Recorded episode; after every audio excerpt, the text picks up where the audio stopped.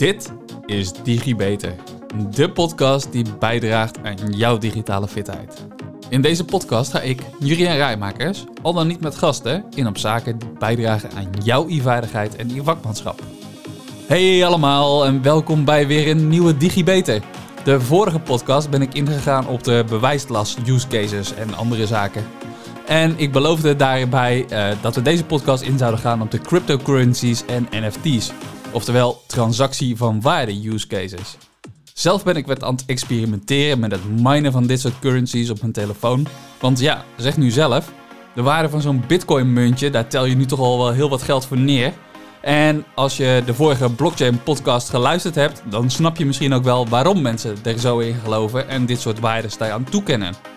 Als jij nu zelf eens gratis wil experimenteren, dan zet ik voor je in de show notes een aantal linkjes met invites om zelf aan de slag te gaan met één of misschien wel alle drie van deze muntjes. Twee van de drie worden officieel nog niet verhandeld op de beurzen, maar bij één wordt er zelfs echt al handel gedreven. Je mindt daarmee ongeveer één muntje per dag. En die gaan ja, misschien wel zelfs een keertje ooit richting dezelfde waarde als de bitcoin. Ik geloof het zelf niet, maar eh, het is toch lachen om het te proberen. Maar mocht het dan toch gebeuren dat ze wel die kant op gaan, dan lach je natuurlijk helemaal krom.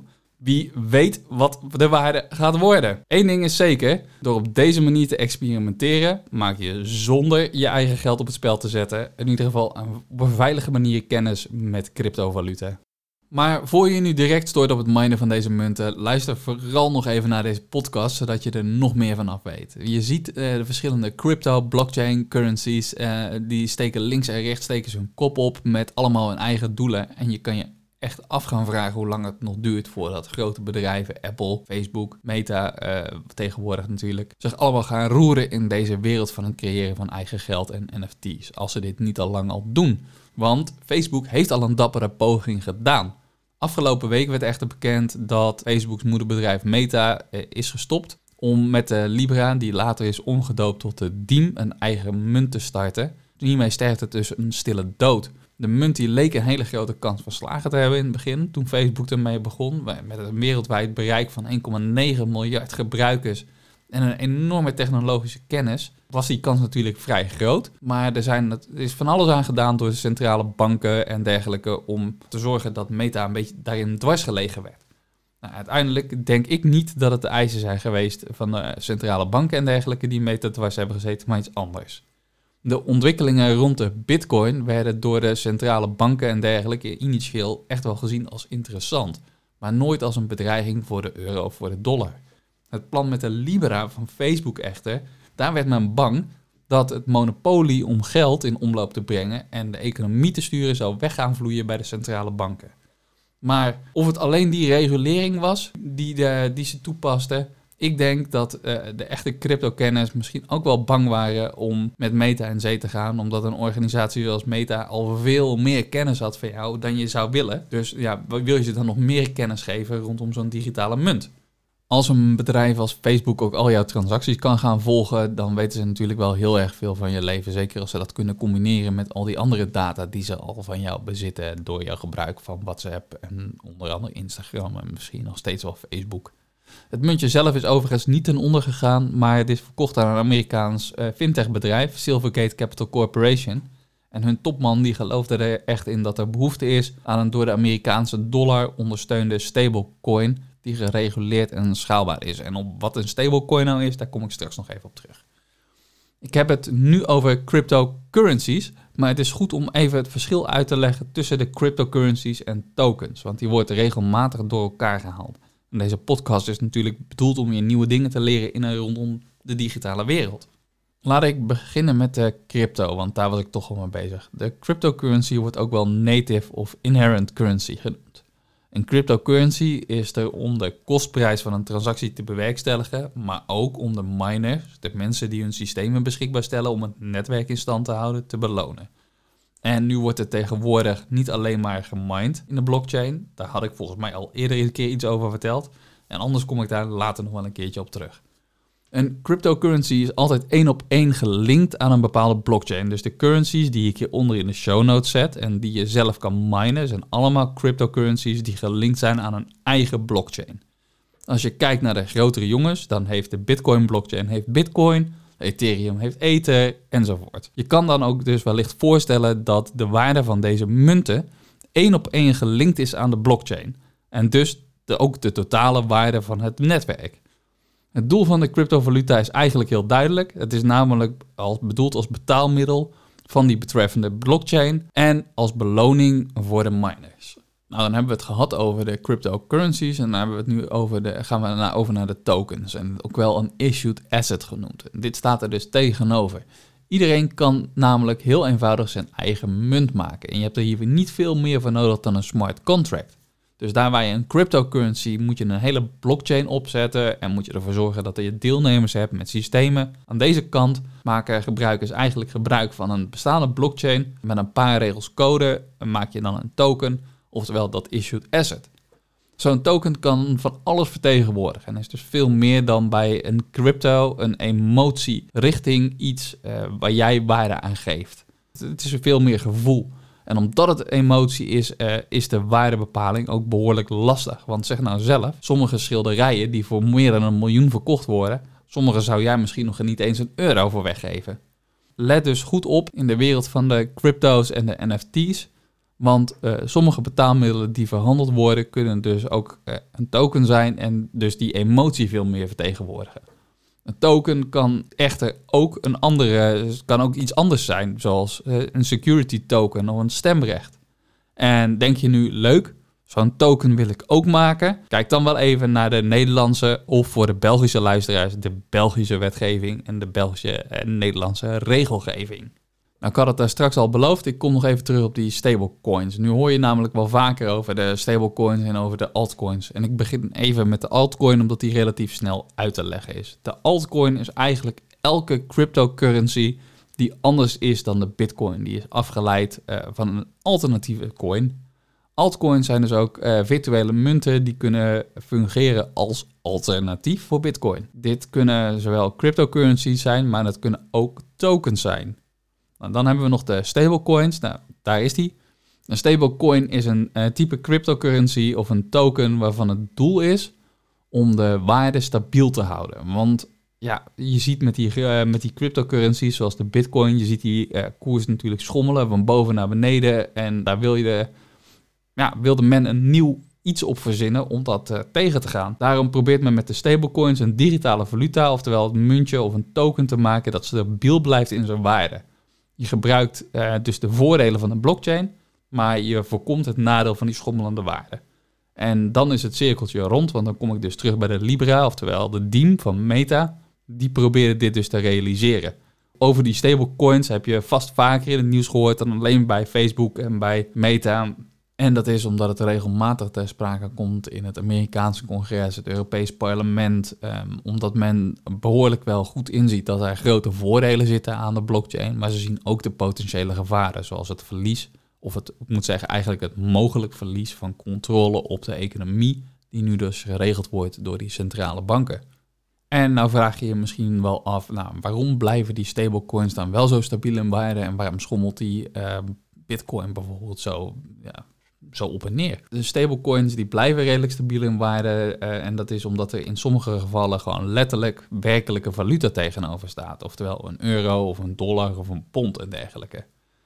En uh, het kan ook zijn dat er andere commodities tegenovergesteld worden, die bijvoorbeeld, uh, bijvoorbeeld bulkgoederen. Zoals waar we het eerder over hebben gehad. Dus bulkgoederen zoals olie, koffie, goud. Maar het gebeurt ook dat ze zo'n stablecoin soms meer laten fungeren als een ETF. Waardoor ze dus uh, zeggen van oké, dan pak ik zo'n stablecoin en die baseer ik op een mandje met andere uiteenlopende cryptocurrencies.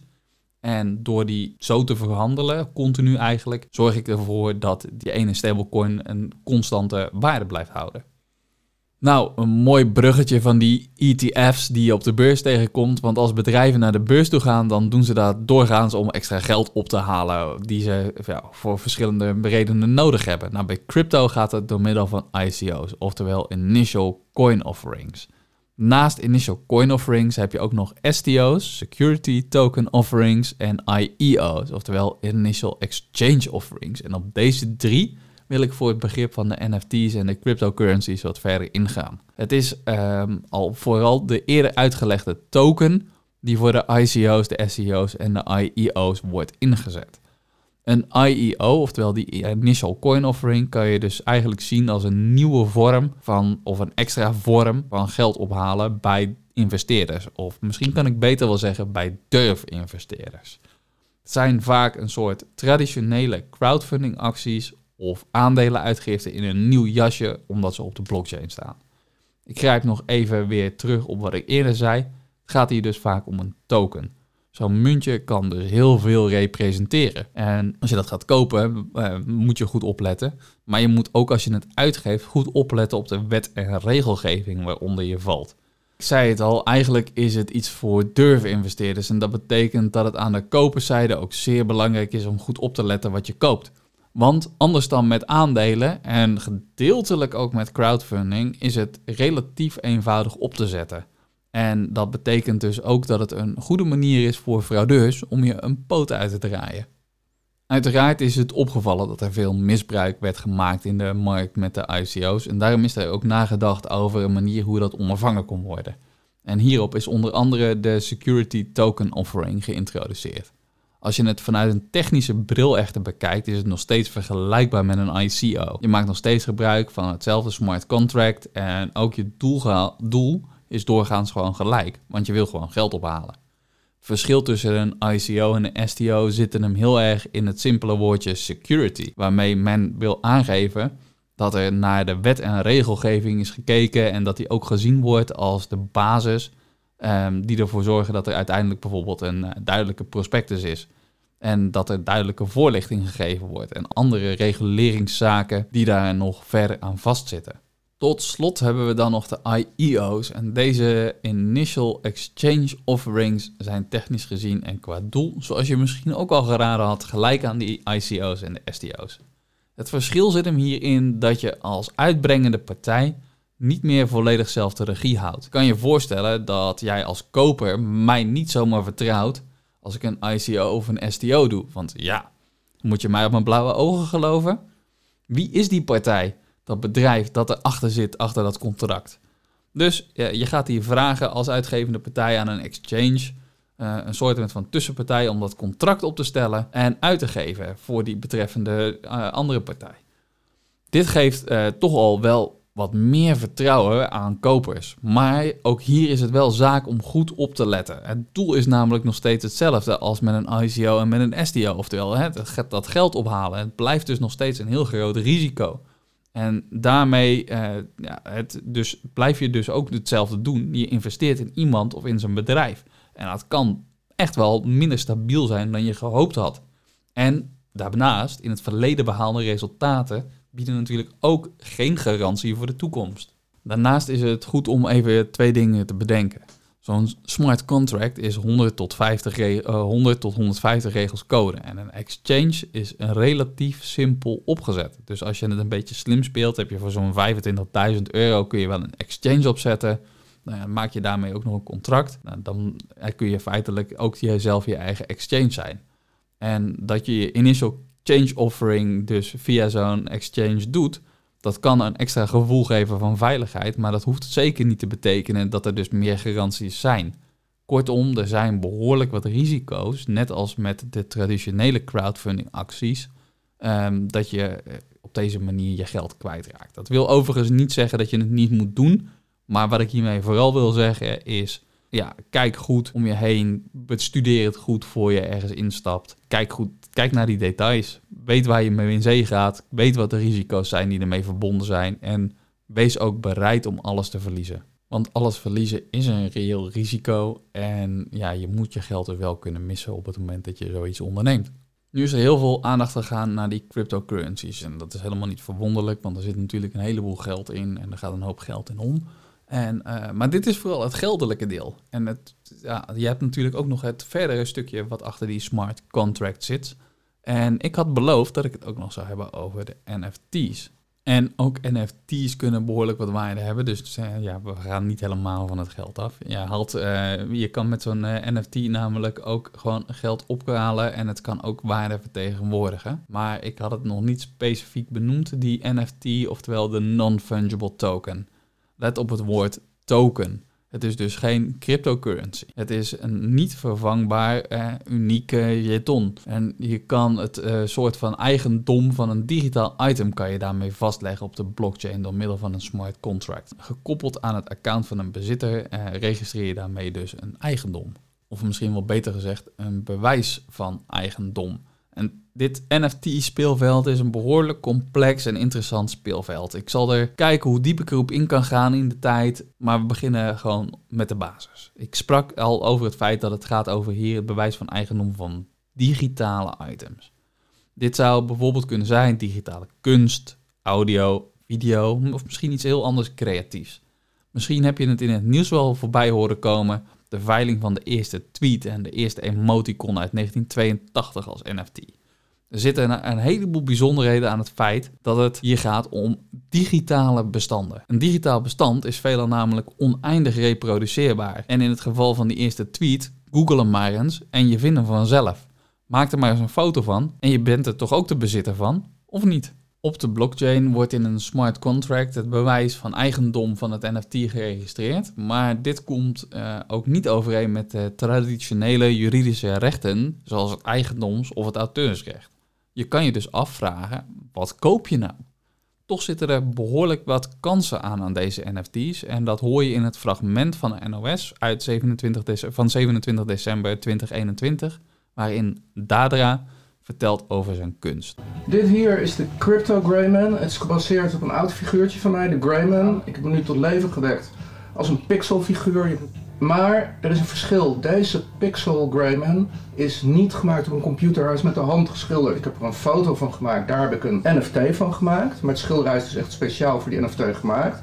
Toen heb ik twee veilingen tegelijk gehouden. Eén fysieke veiling met een veilinghuis en een NFT-veiling. Precies dezelfde dag begonnen, dezelfde seconde geëindigd. Om te kijken van welke dan meer waarde heeft. Inclusief veilingkosten ongeveer 4.500 die, ongeveer 10.500 dollar deze.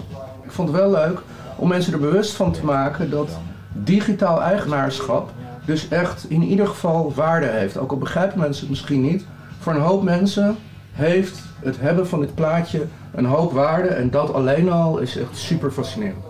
En om dit fragment even te verduidelijken, de 10.500 euro was voor de NFT tegenover de 4.500 euro voor het echte werk. En je zou kunnen stellen dat dat komt door het misschien wel grotere bereik dat je hebt op het moment dat je het op het internet als NFT aanbiedt, eh, tegenover het, normale bereik van zo'n veilinghuis. Maar persoonlijk verbaas ik me er wel echt over dat je voor een digitaal bewijs van eigendom, dus eigenlijk zonder het echte werk, dat er zoveel voor betaald wordt neemt niet weg dat dit natuurlijk uh, voor artiesten een leuke en nieuwe manier van inkomsten kan zijn. Als creatief bedenken van zo'n kunstwerk kun je daarnaast ook nog wel interessante dingen vastleggen, zodat iemand bijvoorbeeld beperkt, zodat er iemand, hè, iemand is in dit geval de koper, dat hij een beperkt recht heeft en dat iedere keer dat zo'n stukje kunst door wordt verkocht met winst, dat je als maker, als artiest nog recht hebt op een deel van die winst. En zo kun je, als, je, uh, ja, als jouw zaken in waarde stijgen, kun je blijven profiteren. In tegenstelling tot hoe kunstenaars tegenwoordig hè, uh, op dit moment nog vaak te werk gaan. Als ik een mooi schilderij koop van een onbekende schilder en die wordt langzaam beroemd, dan heb ik ineens een stuk in mijn handen wat veel meer waard is. En ik kan de volledige waardestijging kan ik incasseren. Het is toch leuk voor zo'n kunstenaar als die daarin mee zou kunnen profiteren. En dan kan je natuurlijk ook stellen van, nou ja, weet je, dat is uh, het risico van, uh, van de kunstenaar en van jou als koper wat je neemt. En jij hebt dus recht op die winst. Maar koop je een stukje kunst niet initieel omdat je het gewoon heel erg mooi vindt en je het graag aan je muur wil hebben hangen. Ben je nu ook heel enthousiast geworden en wil je NFT's gaan maken, dan kun je kijken naar een aantal blockchains waarop deze NFT's geplaatst kunnen worden. En de meest bekende zijn Ethereum en Cardano. Maar daarnaast heb je ook Bitcoin Cash, Flow en Tezos. Uh, maar Ethereum is veruit de populairste en daarnaast komt Cardano ook echt wel een heel eind. En het leuke is dat je van die blockchains ook weer cryptocurrency kan kopen. Kortom, er zijn veel leuke NFT-toepassingen te bedenken, maar het is nog veel spielerij. En de markt is niet echt geregeld en het is niet zonder risico's. Er zijn dus al diverse kopers van NFT's ook echt opgelicht.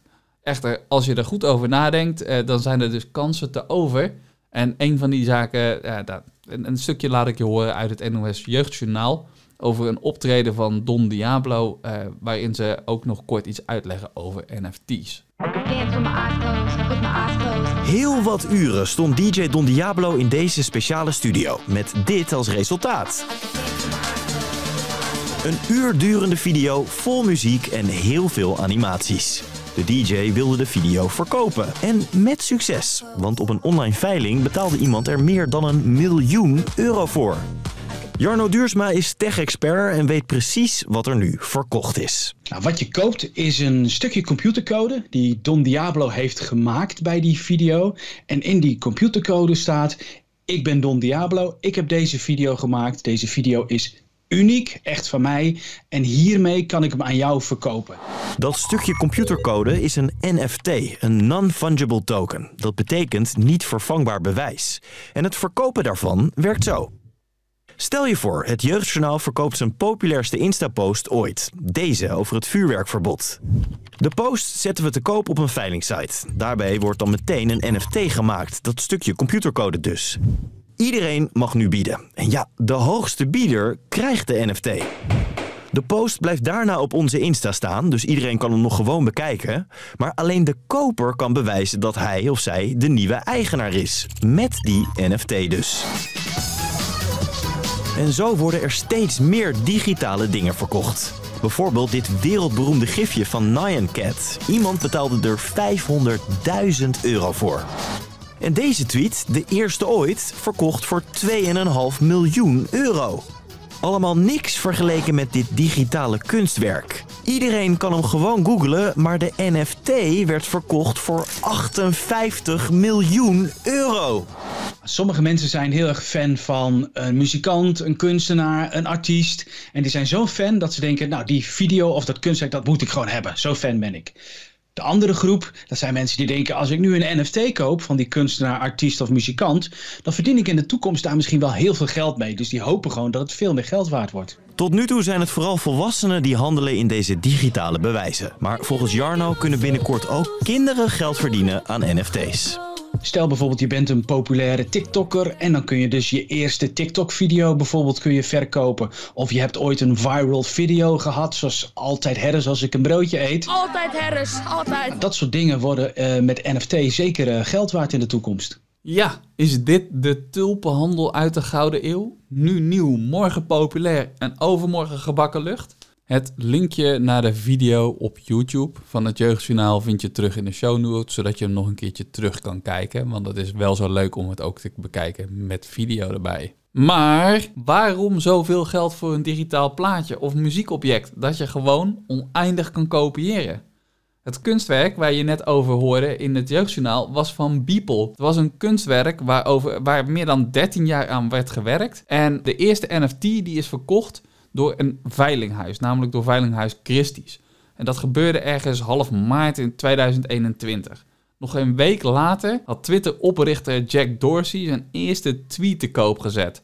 Wat je net hoorde in het jeugdjournaal was nog niet eens het duurste, want afgelopen december werd er voor 81 miljoen een digitaal kunstwerk, de Merge, verhandeld. Maar eigenlijk is zo'n NFT dus niets meer dan een niet inwisselbaar, onvervangbaar digitaal eigendomscertificaat. Dat je digitaal gemaakt hebt en dus en ook gekoppeld aan dat digitale object. En nu had ik het in de eerste blockchain podcast, podcast 13, al uitgelegd dat je dus een wallet hebt, jouw account. En omdat deze NFT daaraan gekoppeld is, kan je dus bewijzen dat het van jou is. Het staat op de blockchain, het is openbaar. Iedereen weet dat jij het certificaat met die unieke idee hebt. Het is jouw bewijs van authenticiteit en de herkomst. Maar het is dus niet jouw muziek. Het is uh, niet per se jouw kunstwerk of dat stukje video van jou. Het verwijst slechts naar dat digitale bestand. En toch hebben mensen er interesse in. Want de NFT-technologie is een manier waarop je een digitaal bestand, zoals dus een afbeelding of een muziek of iets dergelijke, kan toe-eigenen. Als je dan overeenstemming hebt van wat bezit is, dan betekent het dat er ook schaarste kan ontstaan, waarmee de prijs kan toenemen. En op die manier zie je dus uiteindelijk dat ook in de NFT-markt waardestijgingen kunnen gaan ontstaan. En dan hebben we het toch weer over geld. De NFT is zo bijzonder omdat het in de technologische wereld altijd een hele grote uitdaging was om schaarste te creëren. Je hoorde wat ik daar straks vertelde. Het is heel eenvoudig om te kopiëren, te reproduceren. En daarmee werd het dus ook heel erg lastig om waardestijging te creëren.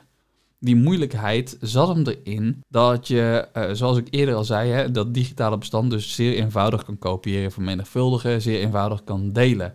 Het verandert dus gedeeltelijk door die NFT, waarmee je een nieuw systeem van waarde in die technologische wereld introduceert. Er ontstaat een nieuw systeem van waarde, waarbij op basis van de goedkeuring van de maker er nieuwe creatieve opties komen om de exclusieve licenties op auteursrechtelijk werk te gaan verkopen. En die licenties die kunnen je dus behoorlijk wat geld opleveren. Maar het hoeft niet alleen te gaan om kunst en kan ook gaan om andere assets zoals auteursrecht, octrooirecht of merkrecht dat je bijvoorbeeld nog op de plank hebt liggen terwijl je eigenlijk er niks meer mee deed.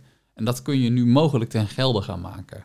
Wanneer je bij de verkoop van een NFT niet expliciet iets afspreekt over het auteursrecht, doctorierecht of merkenrecht, blijft dat eigendom van het bedrijf. Daar kunnen bedrijven weer mee aan de slag. Naast extra inkomsten kunnen NFT's ook bijdragen aan een vergrote merkbetrokkenheid bijvoorbeeld van je fans. Denk maar eens aan het eerdere voorbeeld wat ik uh, gaf over de concertkaartjes die je uniek kan maken en bijzondere eigenschappen kan meegeven, zoals bijvoorbeeld de locatie op het moment dat er dan drie concerten gegeven worden, wil je als fan misschien wel naar alle drie. Want je hebt de kaartjes van de verschillende locaties en eventueel zo'n unieke afbeelding erbij. Of als je uh, zo'n NFT kan je dan bijvoorbeeld weer toegang geven tot unieke content. En als ik dan zo even door blijf fantaseren over die unieke content, dan kun je het eigenlijk zo gek nog niet verzinnen. Of er zijn een heleboel toepassingen in bedrijven voor te bedenken. Bijvoorbeeld zelfs voor de horeca zou je dit kunnen inzetten. Stel dat je bijvoorbeeld eh, een kok hebt in de keuken. En je krijgt op het eind, nadat je gegeten hebt, krijg je je bonnetje. En dat bonnetje dat heeft, heeft dan een NFT. En met die NFT zou je bijvoorbeeld weer de kans kunnen hebben om unieke video's te bekijken van zo'n chef over hoe die misschien wel het gerecht wat jij op die avond gegeten hebt aan het klaarmaken is. Op die manier heb je niet alleen heel erg lekker gegeten, maar heb je ook na die avond nog de kans om zelf dat recept een keertje na te maken. Nou, hoe leuk is dat nou? Nou, tot slot om mee af te sluiten wil ik je nog uh, ja, een paar andere ideeën meegeven. Een paar andere verdienmodellen waarbij je zou kunnen denken met NFT's en met crypto. Zoals um, bijvoorbeeld uh, schrijvers van nieuwsartikelen of podcastmakers zoals ik.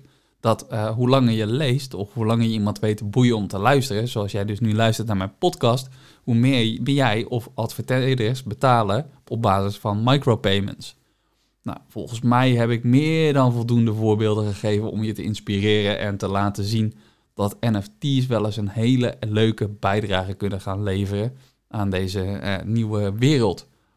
Um, zoals ik in de eerste podcast over blockchain al vertelde, is dit dus de opmaak voor, uh, op maat voor een nieuwe technologie, nieuwe technologische mogelijkheden. Web 3.0. De blockchain kan dus echt helpen in het creëren van waarde, nieuwe media, nieuwe verdienmodellen.